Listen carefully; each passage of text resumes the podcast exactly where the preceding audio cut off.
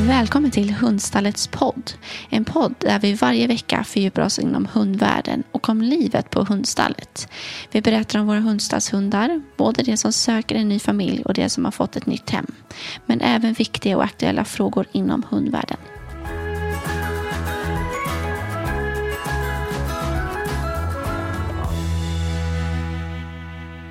Idag så sitter jag och Carolina med Emma Brunberg från Djurskyddet Sverige och vi ska prata om osund avel.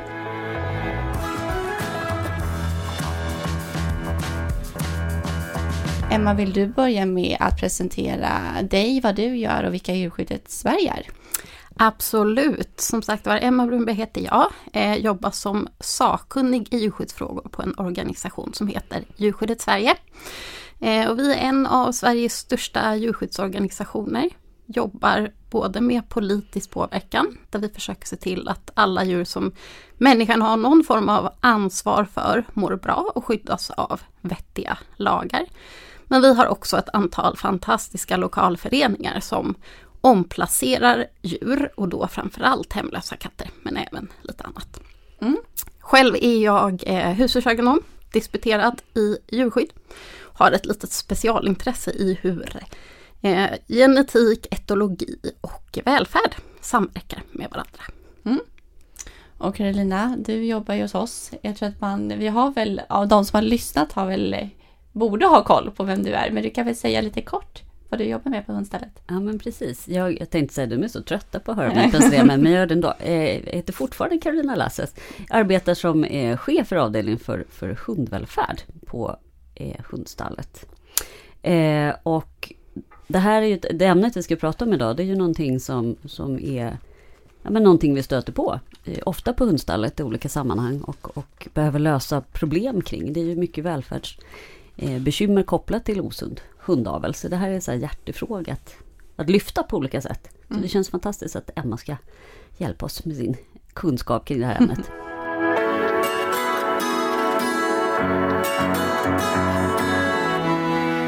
Vi brukar ju alltid så här börja väldigt grundläggande tänker jag. Ehm, så om vi tar, vad är det för typ av lagar och regler som styr avel, aveln? Så.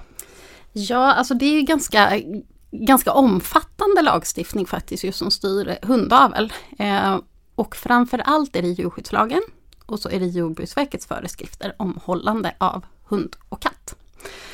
Ehm, och djurskyddslagen är ju väldigt generell. Den gäller för alla djur som hålls av människan i stort sett. Så att där är avelsparagrafen också väldigt generell och ska alltså gälla allt ifrån kycklingar till eh, hundar. Så.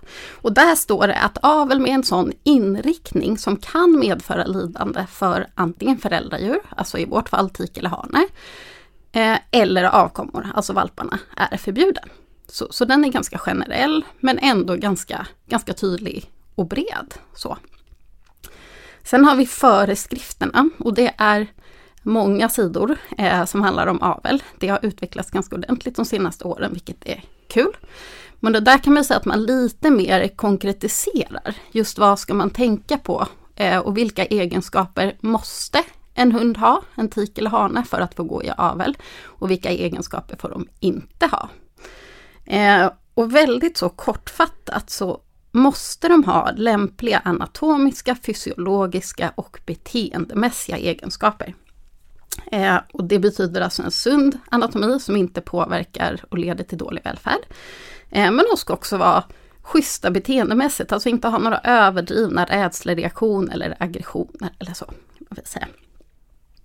Sen om man går vidare till de egenskaper de inte får ha, Eh, så är det ärftliga egenskaper som kan medföra lidande som kan medföra funktionshinder för avkommorna på något sätt. Eller som till exempel påverkar deras möjlighet till naturligt beteende. Sen finns det massa specifika regler om hur gammal till exempel tiken måste vara eh, för att få gå i avel. Eller hur många kisarsnitt man får gå igenom innan man måste tas ur avel och så vidare. Så det finns också sådana här väldigt specifika tydliga regler. Så. Mm. Här tänker jag att det är värt att nämna också att den här lagstiftningen som Emma pratar om, det är liksom den som gäller. Det är den alla är skyldiga att följa. Oavsett om man tillhör någon organisation eller intresseklubb eller förening kring en, en hundtyp eller hundras. Eh, så spelar ingen roll vad det finns för föreningsstadgar eller, eller regler för de organisationerna, utan det är djurskyddslagstiftningen som är den som, som gäller. Ja. Eh, och där finns det ibland en liten förvirring, eh, upplever jag. Eh, och många med mig tror jag, att man kanske inte vet vad som gäller. Eh, men, men det är djurskyddslagstiftningen och Jordbruksverkets föreskrifter som är det som, som gäller för alla som håller på med hundavel på olika sätt. Och det här är alla skyldiga att känna till. Så att eh, alla som föder upp hundar, eller för den delen någon gång köper en valp, läs på det här. För att man kan aldrig hävda att jag inte visste.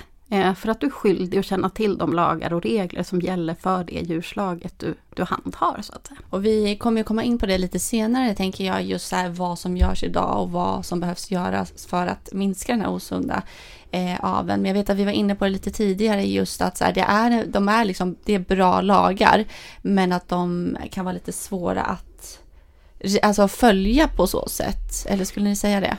Alltså att det är svårt att reglera att det faktiskt följs.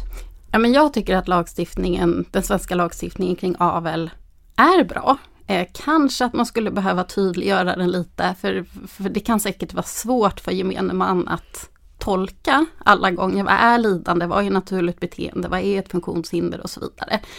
Eh, men efterlevnaden brister ju enormt, eh, det vet vi. Och kontrollerna framförallt brister. Eh, och då är det lätt att det blir en liten pappersprodukt istället för att det faktiskt är en lagstiftning som alla känner till och kan förstå och tolka på korrekt sätt. Jag tänker också att det här med kontroll är ju någonting som sker eh, efter en anmälan eller en oro kring någonting. Och finns det ett kunskapsglapp här eller normalisering kring hur, djur, hur, hur djurs förmåga och rättighet till att kunna bete sig naturligt eh, faktiskt ser ut, då finns det ju ingen som flaggar för att här är ett lidande. Och det här med att bedöma mm, lidande, både liksom fysiologiskt och beteendemässigt och vad det kan vara, det är ju alltid lite av en gissningssport på vilken nivå man än är. Det är ju alltid öppet lite för eh, olika tolkningar och utifrån både erfarenhet och kunskap, så det är ju svårt. Men, men eh, jag tror att Såvida inte folk reagerar och, och flaggar för att nu är det någon som inte mår så bra här. Då kan ju inte det ske några kontroller heller. Så det, det, det känns viktigt att både ja, men veterinärer, valpköpare, vad det kan vara, eh, människor som ser hundar som mår väldigt dåligt, att man hjälps åt att lyfta det på olika sätt. Mm. Absolut. Där finns det ju faktiskt en skyldighet för djurhälsopersonal att faktiskt anmäla också. Eh, nu ska vi inte lägga precis all, eh, all tyngd på på dem. De har en tuff arbetssituation som, som det är. Men, men jag tror att därifrån måste ganska mycket både kommunikation med uppfödare och djurägare. Men i de fall man märker att det inte går in, det man säger, så måste det anmälas. Eh, och det är en ganska tung uppgift, för, för det, då blir man ganska utsatt som mm. djurhälsopersonal. Men det är också lagstadgat. Vart, vart om man eh, som privatperson då ser någon hund som inte mår bra eller man vet en uppfödare som faktiskt inte följer eh, de här reglerna, vart, vem anmäler man det till? Det anmäler man till Länsstyrelsen och då är det i det län som den här uppfödaren finns. Mm. Skulle det råka bli fel så brukar de skicka vidare så det, det, är ingen fara så heller. Men, men Länsstyrelsen är det som handhar även den här lagstiftningen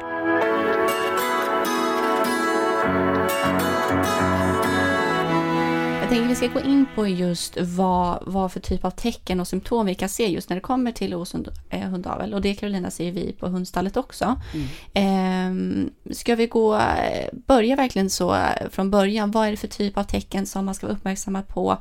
Där liksom den här det på något sätt är tecken på att ja, men det här är den hundrasen. Men egentligen så bör man kanske vara lite uppmärksam på att det här kanske är någonting som hunden mår dåligt av egentligen ja, men det, det, finns eh, ganska mycket saker att vara uppmärksam på. Eh, och lite olika beroende på vilka hundtyper man kikar på. Men eh, det kan vara saker som onormala kroppsställningar som en eh, enkel sak. Att man, man rör sig märkligt men också man har inte möjlighet att sitta. Eh, man sitter lite roligt, ser lite latch ut. På det där sättet som de gör. Liksom. Eller att man kanske har en onaturlig kroppsställning när man eh, ska bajsa eller kissa på olika sätt. Eh, eller att man har mycket biljud från andningen, man grymtar, man snarkar, man, man den typen av saker. Eller att man eh, har en sån där personlighet som folk säger att man vägrar gå. Man vill helt plötsligt inte gå på promenad eller man vill bara lägga sig ner och vägrar. Eh, det är superobservandum att någonting är, är knas. Eh, och det är väl kanske saker som, jag menar de flesta är duktiga på att se hältor eller akut smärta eller en hund skriker till eller hoppar på tre ben eller vad det kan vara. Även om vi ser en normalisering tycker jag även kring eh, hoppsiga steg hos hundar som är ute och går. Att man hoppar till eller benet hakar upp sig. Men det är liksom någonting som också är lite normaliserat nu. Eh, så jag skulle säga att det finns ganska mycket olika saker. Hundar som kliar sig väldigt mycket kring vissa kroppsdelar, eh, runt öron eller nos eller gnider sig frenetiskt mot olika saker, eh, kan vara verkligen tecken på att någonting inte stämmer. Men när det sker i tillräckligt stor omfattning och tillräckligt vanligt inom hundtypen eller hundrasen så har det en tendens att bli en del av, av eh, ja, men liksom standarden kring paketet, den hundtypen, som man liksom förväntar sig. Och i värsta fall också kanske en del av en, en rolig personlighet, hundar med humor, som är lite knasiga, som gör lite si och sådär. Och där vill jag jättegärna att det där skrattet ska fasta halsen lite grann. Nu är jag jättehemskt kanske, men, men eh, det finns väldigt mycket av det som är då en, en rolig personlighet som kanske inte är så kul, utan just det är tecken på att här, här har vi en, en funktionsnedsättningar på olika sätt som påverkar hundens välfärd. Mm. Där måste man ju tänka någonstans på att något, lite som du säger, att något är vanligt inom en rastyp eller inom en ras innebär inte att det ska anses vara normalt eller friskt för en sund vuxen hund. Precis som du säger, en hund som, det finns ju raser eller rastyper där klåda och ständiga infektioner kring öronen är till exempel väldigt, väldigt vanligt. Men det betyder inte att det för den delen varken är önskvärt friskt eller normalt. Eller som du pratar om andningsproblematiken. Det är vanligt att vissa hundtyper har andningsmissljud. Det är vanligt att de behöver sova till exempel sittandes eller ha en väldigt speciell sövningsprocedur inför olika veterinärmedicinska ingrepp. Men det är ingenting som vi ska normalisera för det. Och det gör det ganska svårt, tänker jag. Så någonstans utgå ifrån arten hund. Mm. Inte en ras eller rastyp. Vad har arten hund för naturligt beteende? Jag tror att man kommer ganska långt genom att bara utgå ifrån vad en hund bör kunna göra. Mm. Andas, se fritt, röra sig långa sträckor i olika tempon. Ha en frisk eh, kostym.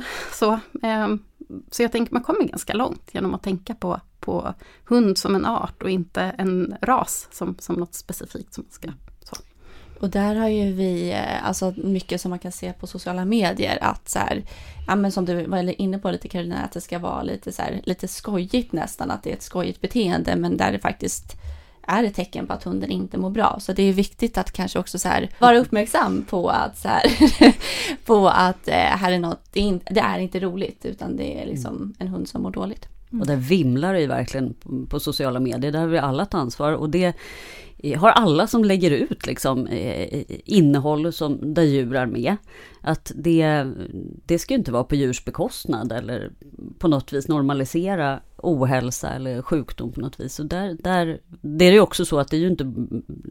Jag menar, det är väldigt mycket som kommer från andra länder dessutom. Så att det, det är ju liksom en otroligt strid ström av, av olika innehåll med, med hundar som gör mer eller mindre knasiga saker och en del är roligt och kul och en del är verkligen inte det alls. Mm. Eh, hundar som är det behöver ju inte vara saker som, som handlar om eh, funktionsproblem nu, nu när vi pratar om liksom hur avel kan påverka hur vi faktiskt kan röra oss och andas och sånt. Det kan ju också vara hundar som är, visar aggression, rädsla, eh, tecken på neurologisk sjukdom som man tycker är då en rolig grej.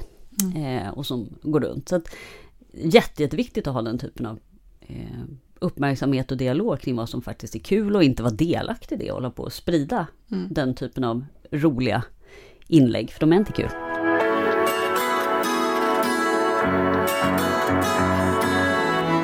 Om vi går in lite på, jag tänker just vad den här av, osund avel då, om vi går in lite på kroppen, vad är det som ibland inte funkar. Vad är det man liksom tar bort som gör att de får, eller tar bort eller lägger till, som gör att så här, de får de här symptomen och faktiskt inte mår bra? Ja, men jag, egentligen vill jag komma tillbaka till samma sak där. Hur långt ifrån eh, ursprunget kan vi gå innan det får konsekvenser? Och jag tror att vi, vi måste börja klura på vad vår, vår önskan om specifika utseenden, vad det faktiskt gör och vad det rent biologiskt får för konsekvenser. Vad får det för konsekvenser att man har en väldigt kort nos eller en väldigt lång rygg eller ingen svans eh, i stort sett. Så att, hundar är olika, de ser olika ut och det får de vara och det ska de kanske vara också. Men någonstans när vi går mot det mer och mer extrema och utseende och rasrenhet blir viktigare än hälsa och välfärd, då, då har vi gått för långt. Ehm, och det behöver vi vända, tänker jag. jag tänker också, nu, nu pratar vi om, om hur utseende på olika sätt är kopplat till funktion och faktiskt beteende i förlängningen också. Eh, men det finns ju också en oreglerad hundavel som, som kanske inte egentligen sticker ut så otroligt mycket utseendemässigt men som handlar om att man eh, väljer olämpliga avelsdjur. Kanske då utifrån beteendemässiga kriterier men också att det finns eh, problem med rörelseapparat och annat där man inte alls utvärderar de djur som går avel eller följer upp valpkullar.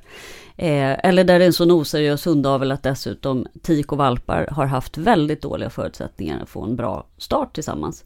Så att det här med osund hundavel är ju både, handlar både om eh, exteriöra förändringar eller att vi normaliserar utseenden och vill ha avvikelser som, som skapar djurskyddsproblem eller problem för hundarnas välfärd.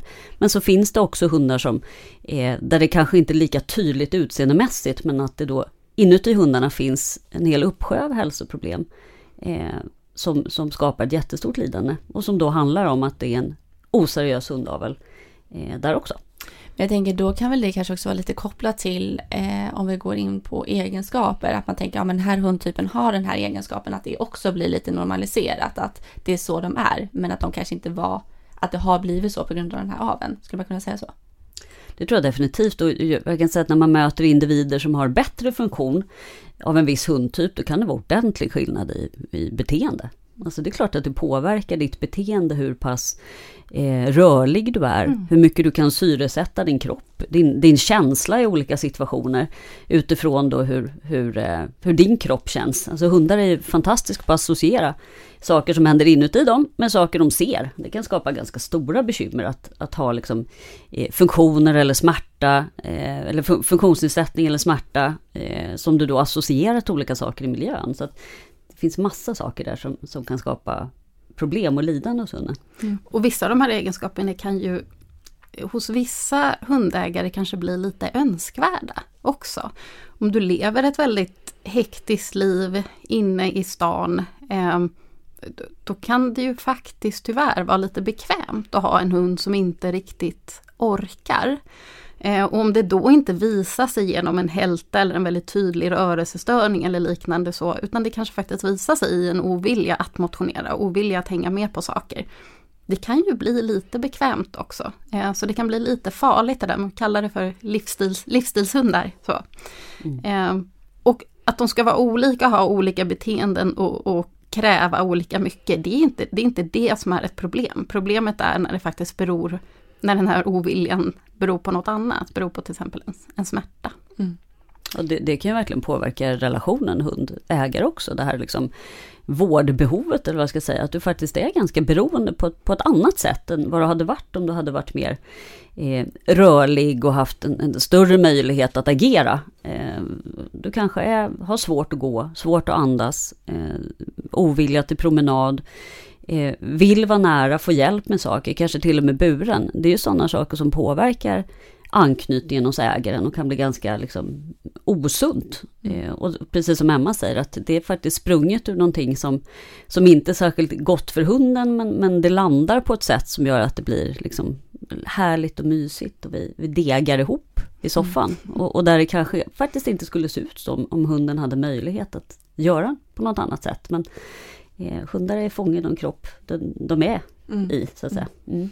Men skulle man då, det går ju lite in på just här hur den här aveln kan påverka deras personlighet. Skulle ni säga att osund avel då kan påverka hundars personlighet? Definitivt. Absolut, på alla sätt och vis. Mm. Om, om, nu pratar vi mycket kropp, utseende, funktion. Men även beteende är ju faktiskt någonting som verkligen är ärftligt. Eh, och det är ju också någonting, precis som du säger Carolina, att den här oreglerade aveln, där kanske det problemet någonstans är, är lite större. Eh, och kan också kanske vara svårare för gemene man att faktiskt utvärdera beteende hos, hos tik och hane eh, och förstå hur det påverkar. Så, så att inte bara eh, utseende och funktion påverkar beteende och personlighet, utan även faktiskt beteendet i sig hos tiken och hane, hanen kommer att ha en inverkan, mer eller mindre, mm. på hundens personlighet. Mm. Och sen det där supersambandet som vi alltid lyfter på hundstallet, att, att ohälsa, smärta, sjukdom, det påverkar i allra högsta grad mm. beteendet på mm. olika sätt. Så att även de, de hundar som, som inte har en anatomi som sticker ut så mycket, men som ändå har en, en hälsoproblematik på grund av osund hundavel, det påverkar beteendet. Det skapar rädslereaktioner, aggression i, vissa sammanhang eh, och kan få ganska stora konsekvenser i vardagen.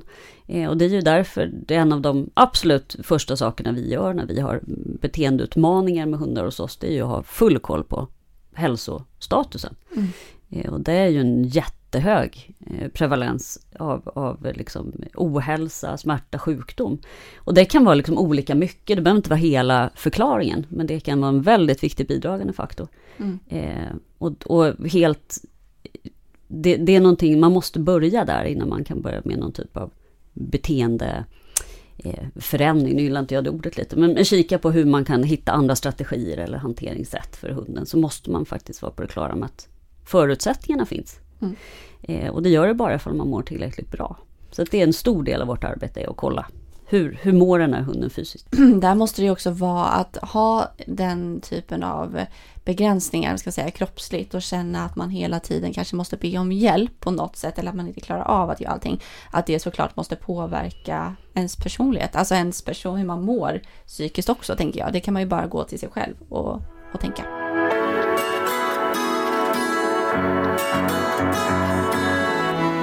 Men hur skulle vi säga att hundarna generellt sett mår idag i samhället just kopplat till den här osunda hundaveln?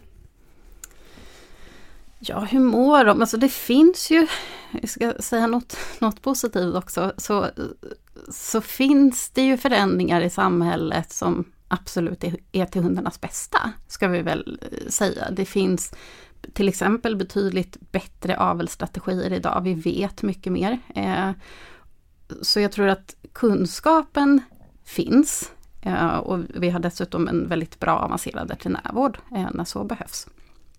Så jag tror att, blir lite upprepning, men jag tror att problemet är just att vi normaliserar sjukdomar och vi normaliserar egenskaper som faktiskt inte är friska. Eh, och att hundar kanske blir lite mer av en eh, av en livsstil. Och att vi söker något som passar in i våra liv. Och ibland så kanske faktiskt inte mitt liv riktigt passar för att ha hund. Och då kan det bli så att man normaliserar de här hundtyperna som, eh, som egentligen är som de är för att de, de mår dåligt. Eh, tänker jag. Sen tror jag, det vet säkert ni mer om, jag kan tänka mig att eh, pandemin hade en viss effekt också på hur hundarna mår och på osund hundavel det var ju en enorm efterfrågan på valpar under pandemin. Alla ville ha valp. Eh, och det kunde inte de vanliga uppfödarna möta. De hade inte en chans till det. Och det här gapet mellan tillgång och efterfrågan där, det öppnade ju upp för eh, mindre nogräknade uppfödare kan vi säga. Oavsett om de här valparna kommer ifrån fabriker i eh, Sydeuropa, alltså smugglades in och där kan vi ju verkligen prata en oseriös avel på alla sätt och vis. Eh, eller om det faktiskt var lite nya uppfödare på, på marknaden som såg en chans att faktiskt fylla det här gapet. Så där tror jag att vi kanske inte riktigt har sett den fulla effekten än faktiskt. Mm. Och jag tänker just på de hundarna, om det sen går vidare och man avlar, av, avlar vidare på dem, alltså det är klart att det blir en vidare effekt på det. Absolut.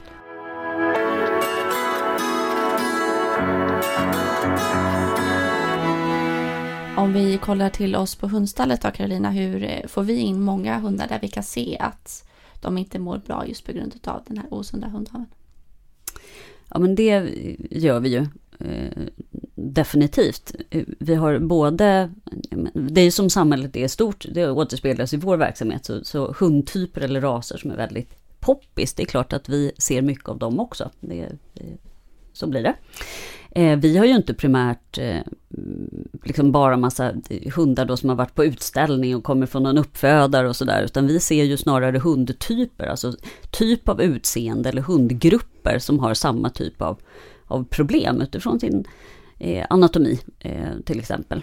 Eh, och vi ser ju också att det finns, går trender i olika eh, hundtyper där, precis som Emma är inne på, att, att har det liksom varit en boom, har någonting varit superhett och alla vill ha den hundtypen, ja men då är det sällan särskilt seriös avel bakom. Det finns ingen eh, reglering där idag. Eh, så.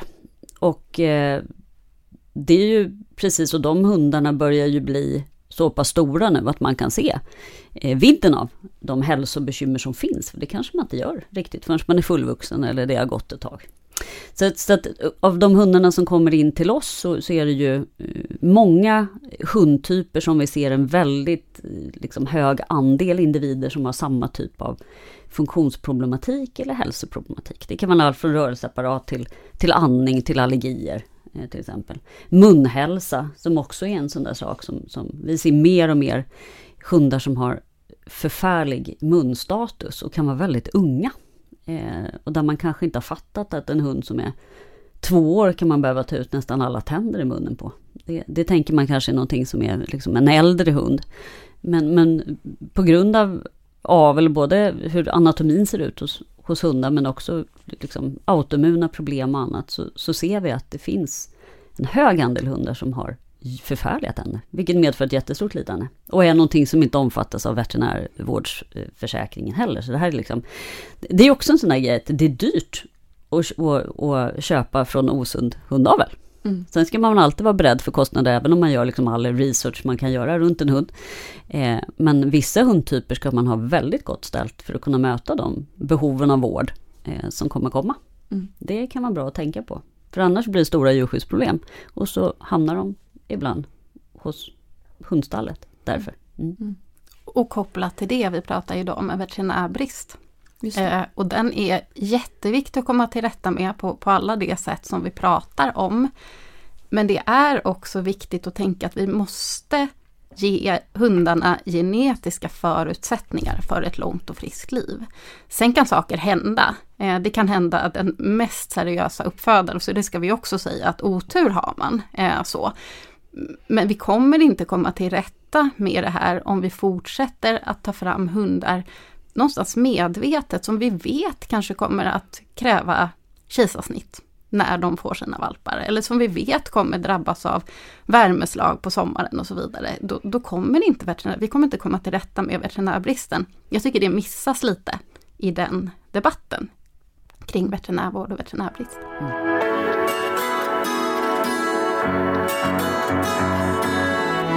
Är det, om man tittar på vad som görs idag, vad, finns det liksom något aktivt som vi gör just för att minska eh, det här problemet idag?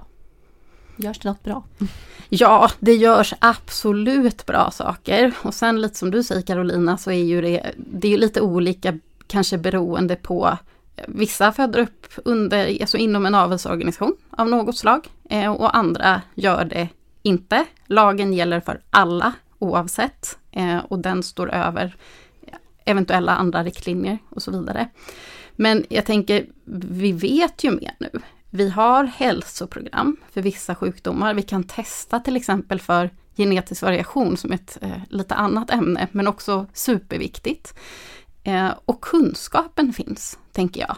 Veterinärerna har, är ju en jättebra källa av kunskap och de flesta av dem försöker i alla fall ge råd till de som kommer till deras kliniker. Så jag tänker att kunskapen finns där ute. Nu handlar det om att förmedla på ett sätt som gör att man vill lyssna och inte hamnar i någon typ av försvar eller affekt. Så, eh, så, så det görs en del eh, och det förekommer ju faktiskt nu också en del rättsfall ute i Europa. Man får tänka på att hundavel är internationellt. Eh, det, det är inget, vi, vi kan inte jobba med det bara nationellt. Och nu börjar det faktiskt testas lite olika lagstiftningar så vi får lite rättsfall. Vi har ett väldigt uppmärksammat fall i Norge till exempel, där det nyligen blev förbud mot avel på en ras på grund av deras hälsoutmaningar. Ehm, och det finns även exempel i Sverige. De är väldigt få, men det finns exempel där Länsstyrelsen har gått in och satt avelsförbud på hundar på grund av ohälsa. Men för att kunna göra det så måste det ske anmälningar. Så, så att absolut, visst görs det saker och även avelsorganisationerna provar att göra saker. Men jag vill påstå att det görs alldeles för lite och det går alldeles för långsamt. Det här är inget nytt problem. Så att, att kräva mer tid, det funkar inte riktigt och det är inte heller det djurskyddslagen säger. Att det är okej om intentionen är att det ska bli bättre om 20 år. Det, det är inte det den säger, utan avel ska vara sund här och nu. Mm. Men sen är det ju mycket kunskapsspridning, det vi, det vi sitter nu och mm. försöker med, som, som gäller de flesta problem. Vi har pratat lite smuggelhundar här under pandemin. Det är också så, finns det ingen efterfrågan, finns det ingen marknad. Precis samma sak här. Eh, om det inte är normaliserat med, med hundar som har problem att röra sig och, och andas eller har allergier eller vad det kan vara för någonting. Eh, så kommer det sätta press. Eh, det kommer förändra aven helt enkelt. Så där är det super, superviktigt att prata om sådana saker. Och också viktigt att lyfta fram att det här är ju liksom, många av de här hundtyperna är ju absolut de mest charmiga, mysigaste hundar som finns. Som man på alla sätt och vis vill ska få finnas kvar. Så det, det handlar ju inte om någonting annat än att, att liksom lyfta där det finns djurskyddsutmaningar och se till så här ska man inte behöva ha det. Fast man är en charmig typ av en viss liksom, eh, sort. Utan där är ju snarare en, det är ju liksom utifrån kärlek och välmening att alla ska ha rätt till att kunna bete sig naturligt eller ha en, en funktionalitet som gör att man kan ha ett gott liv. Mm. Och där är det inte då. Det går ju lite in på just här vad, vad vi behöver göra nu för att faktiskt eh, förhindra det här. Och du var inne på kunskapsspridning. Eh, är det något annat vi ser som, som behövs förändras för att gå i rätt riktning? Ja, men jag skulle ju Fick jag eh, önska och välja fritt, det verkar inte som jag får det tyvärr. men så skulle ju, jag skulle vilja att, det, att hundregistret faktiskt utvidgades. Så att vi idag har något sorts, så att vi skulle ha ett register över uppfödare. Och att de kontrolleras på liklinje eller kanske oftare än eh, lantbruksdjur. Så att det faktiskt finns en kontroll. Men det är verkligen det är verkligen en önskan eh, och det skulle säkert Länsstyrelsen önska också att de hade, fick resurser i både i form av tid och pengar till det. Och det finns inte idag. För att de ska kunna göra något nu och faktiskt kontrollera, vilket jag tror är ett måste, så behövs det, tyvärr är det tråkiga svaret, anmälningar, som jag varit inne på mm. tidigare. För annars så blir det här bara ett platt papper, den här lagstiftningen som ändå finns. Den kommer aldrig att testas om det faktiskt inte anmäls. Och det är inte så lätt för gemene man att kunna titta på en uppfödning och försöka förstå om den är laglig eller inte. Och där tror jag, som jag nämnde tidigare, att djurhälsopersonalen, tyvärr behöver vi nog lägga även det här ansvaret eh, lite på dem. Eh, att anmälningar sker. Och för det behöver de stöd. De kanske behöver vägledning från andra ansvariga myndigheter och det behövs ett väldigt bra samarbete med länsstyrelserna. Och sen oseriös hundavel handlar ju också om eh, liksom, eh, miljön för, som tik och valpar eh, ska befinna sig i. Allt ifrån faktiskt hur, hur tiken mår, hur en parning går till, till hur hon har under dräktighet, men också hur liksom tryggt och bra och möjligt hon har att ta hand om sina valpar på ett sätt som känns bra. Eh, och valparnas möjlighet till att utvecklas som de ska och få socialiseras eller miljötränas eller vad det kan vara. Och där skulle man ju gärna se någon typ av eh, licens för all hunduppfödning. Det finns ju inte idag. utan var ju allting som så att säga inte är, är, är rasrent. Så det finns ju liksom ingenting som, som, vem som helst kan bli hunduppfödare och det är djupt olyckligt. Och det, jag menar de ärenden vi har med med eh, hundar som, har, som inte kommer eh, ifrån eh, djurskyddsärenden utan är från, från tillsynsärenden, alltså där ägaren har brustit i att ta ansvar för sin hund och försatt den i situationer den inte har rätt ut. Jag kan ju säga att det, det, jag kan inte påminna mig om något fall där det finns en, ett bra djurskyddsläge i botten, utan det finns en otrolig samverkan mellan vilka möjligheter hundar har haft, både utifrån genetik och, och vilka avelsdjur man har valt och hur, hur frisk man är. Men också vilka beteendemässiga möjligheter man har fått till att utvecklas på ett, på ett bra sätt. Så att där vill man ju skydda väldigt många hundar som, eh, som far illa. Så det, det är ju ett människoproblem det här. Eh, där vi måste ändra vårt beteende och vårt sätt att, att fundera kring de här sakerna. Och, och liksom, där önskar jag verkligen att det inte bara var, var eh, uppfödare anslutna till organisationer som, som hade riktlinjer och krav på sig, utan att vi blir bättre på att ställa de kraven på alla som föder upp hund. Mm.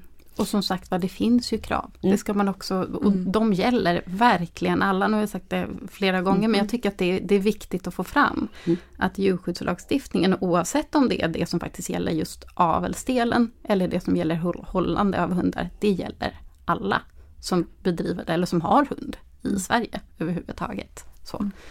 Eh, och de är grundläggande. Det handlar ju inte om något, det är inte, följer man dem så behöver man inte hamna i någon sorts eh, top notch kategori. Men det är i alla fall det grundläggande för någon typ av acceptabel eh, välfärd. Precis. Det samhället godkänner.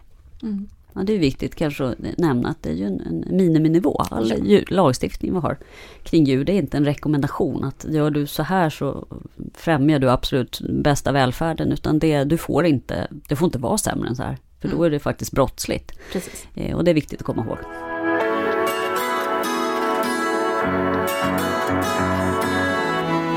Är det något annat jag tänker innan vi avslutar nu som ni tänker är viktigt att få med när det kommer just till hundavel? Nej, men lite upprepning av tidigare också, men jag skulle ändå vilja skicka med att vi måste förändra hur mycket utseende, vår egen livsstil och faktiskt också rasrenhet spelar in i vårt val av hund. Ehm, vi måste börja se mer till hälsa, välfärd, beteende. Ehm, jag känner att det, det kokar ner lite till det mm. faktiskt. Mm som vanligt liksom, lyfta hundperspektivet. Att, vi utgår ju väldigt mycket från mänskliga behov. Både vad vi tycker är fint och gulligt och tilltalande och vi har en eh, fabläs för avvikelser på olika sätt, säger jag då som bullterägare, så jag ska vara alldeles tyst, men nu, nu sa jag det ändå. Eh, det är ju så, det finns en fascination kring saker som sticker ut. Man vet, man vet att i en valpkull där alla har en färg och en har en annan, så är det den som sticker ut som alla kommer vilja ha. Så funkar vi människor. Men där måste vi hela tiden ha en dialog och vara uppmärksamma kring vad vi håller på med. För nu har vi hamnat i ett läge där vi, det börjar bli avarter snarare än avvikelser. Och det är ju otroligt kämpigt för de hundarna som, som det drabbar. Eh, så att, mm. Mm. Väldigt viktigt eh, ämne att lyfta tänker jag, just för också att det ska bli fler anmälningar och att vi faktiskt kan gå i rätt riktning kring det här. Stort tack för eh, att både, till båda er att ni var med och gästade podden. Tack för att ni var med.